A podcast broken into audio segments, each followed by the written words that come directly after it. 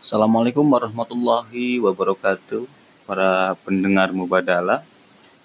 Saya akan membacakan sebuah artikel milik Ibu Nyai Hajah Umda Erbaroro tentang kurban dan sejarah perempuan yang terlupakan.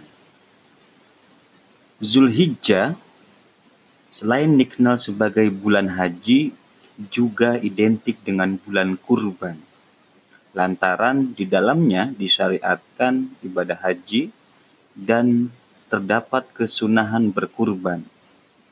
Oleh karenanya, hari raya kurban pada bulan ini disebut dengan Idul Adha, yakni hari raya kurban. Bagi masyarakat muslim di Indonesia, ibadah kurban menjadi tradisi yang sangat ditunggu-tunggu. Karena pada hari itu kita bisa berpesta, menikmati aneka macam hidangan, daging kurban, sembari merayakan hari raya.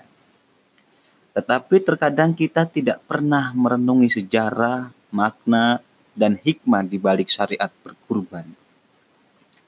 Di beberapa tulisan yang menjelaskan tentang kurban, biasanya diceritakan bahwa Syariat ini berawal dari adanya mimpi Nabi Ibrahim alaihissalam yang diminta menyembelih putranya Ismail alaihissalam. Karena itu adalah perintah Allah Subhanahu wa taala, maka Ismail pun setuju dan mempersilahkan ayahnya menyembelihnya. Tetapi ketika Ismail dibaringkan dan pisau yang hendak digunakan menyembelih ditaruh di leher Ismail, tiba-tiba Allah menggantikannya dengan seekor domba besar. Dari penggalan cerita itu, seakan-akan peristiwa tersebut adalah peristiwa dua orang saja, yaitu Ibrahim dan Ismail. Dua laki-laki yang berani dan ikhlas menjalankan perintah Allah dengan sepenuh hati. Lalu, apakah perempuan tidak ter terlibat dalam sejarah kurban? Pertanyaan ini yang sering menggelayut di benak penulis dalam banyak kisah agama. Perempuan sering kali hilang dalam peredaran sejarah atau memang sengaja dihilangkan. Di mana Hajar dan Sarah? Ibrahim dan Sarah konon hingga masa tuanya tidak diberi keturunan. Atas usulan Sarah, Ibrahim diminta menikahi perempuan budak, yaitu Hajar. Siapa tahu dengan menikahi perempuan muda ini akan mendapatkan keturunan. Ternyata dugaan ini benar. Tak lama setelah pernikahan itu, Hajar mengandung dan melahirkan Ismail. Sebagai perempuan, meski awalnya merelakan suaminya menikah lagi, tetapi perasaan cemburu, cemburu tentu saja ada.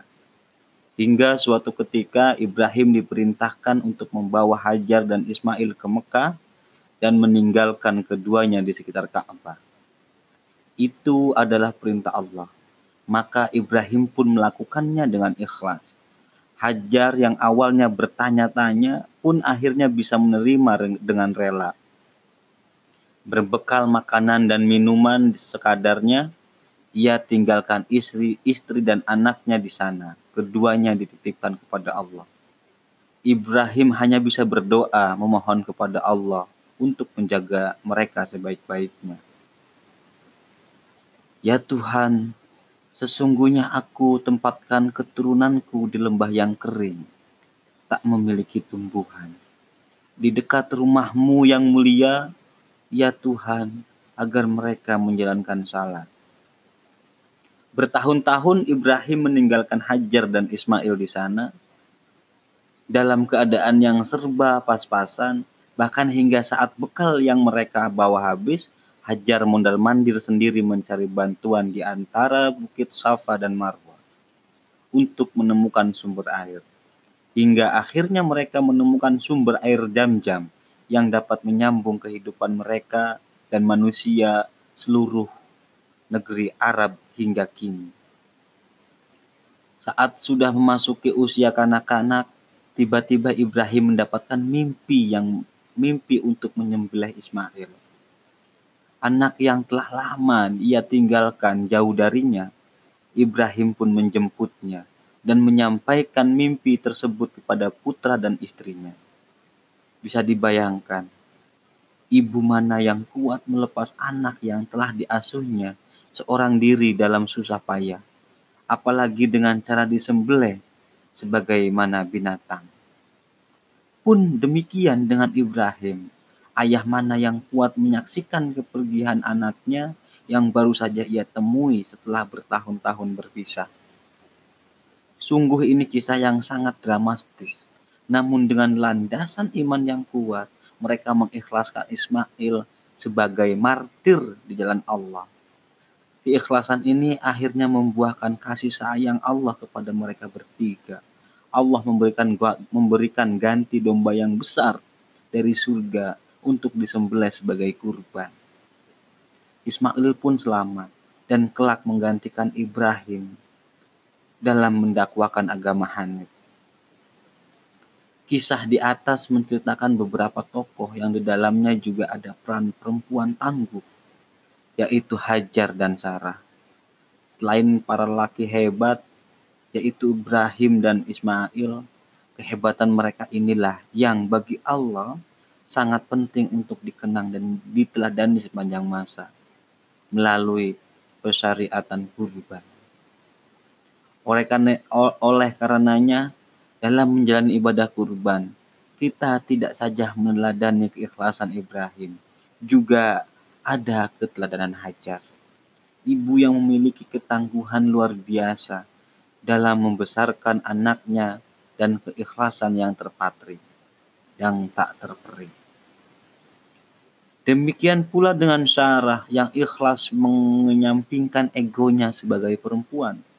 Hingga lahirlah seorang Ismail yang menjadi penerus Ibrahim dalam menyampaikan agama Hanif hingga kepada Nabi Muhammad SAW. Andai tidak ada perempuan-perempuan itu, barangkali tidak kita dapatkan agama Hanif yang dibawa oleh Nabi Ibrahim. Maka kiranya kesadaran tentang adanya keteladanan perempuan-perempuan dalam kisah-kisah agama perlu selalu ditonjolkan agar masyarakat bisa memahami bahwa agama tidak anti terhadap perempuan. Agama tidak memikirkan perempuan Para tokoh agama juga penting memiliki sensitivitas terhadap perempuan, terutama dalam membaca teks dan hukumnya, sebab agama sesungguhnya datang sebagai rahmat, kasih sayang kepada seluruh umat, baik laki-laki dan perempuan. Nabi Muhammad juga telah meladankan kepada kita bagaimana mengasihi perempuan dengan sebaik-baiknya, hingga Nabi berpesan kepada para laki khairukum khairukum li ahli wa anna khairukum li ahli. Sebaik-baiknya kalian adalah orang yang paling baik kepada istrinya. Dan saya adalah sebaik-baiknya orang di antara kalian kepada istriku. Wallahu a'lam.